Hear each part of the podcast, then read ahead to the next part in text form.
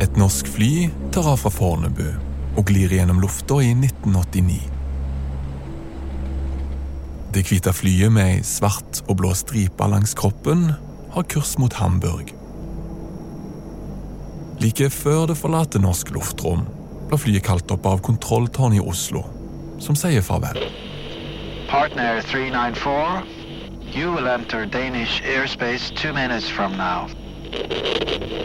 Flyet holder rett hastighet og høyde, og det er fint vær da det glir inn over Skagerrak. Copenhagen, good afternoon. Partner 394, maintaining flight level 220. På dette tidspunktet sitter styrmannen med en tannpirker mellom leppene. Men plutselig, uten noe forvarsel eller mayday fra pilotene, mister flyet høyde.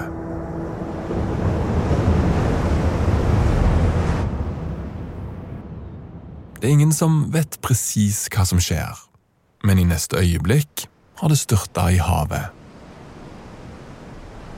Alle 55 om bord omkommer. Og tannpirkeren styrmann hadde mellom leppene, ble funnet heil i magesekken hans. Han har plutselig svelga den rett ned. Flyet har tilsynelatende falt fra hverandre midt i lufta. Det er i hvert fall det som Havarikommisjonen seinere skal konkludere med. Men er det hele sannheten? Føler du at du har fått skylda for at 55 mennesker omkom? eller? Det er åpenbart. Ja, hvordan er det å leve med det? Til sine tider helt forferdelig. Man kan prøve å glemme det, men det gjør man ikke så lenge man veit hvor sannheten er. For det mener vi eh, i stor grad at mange veit, og vi veit det.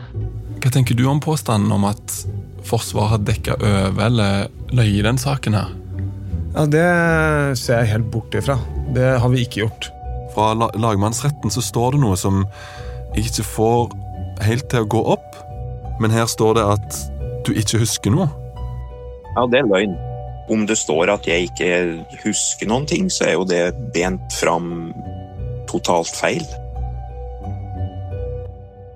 Neste serie fra en mørk historie handler om Norges verste flyulykker. Første episode kommer med veka.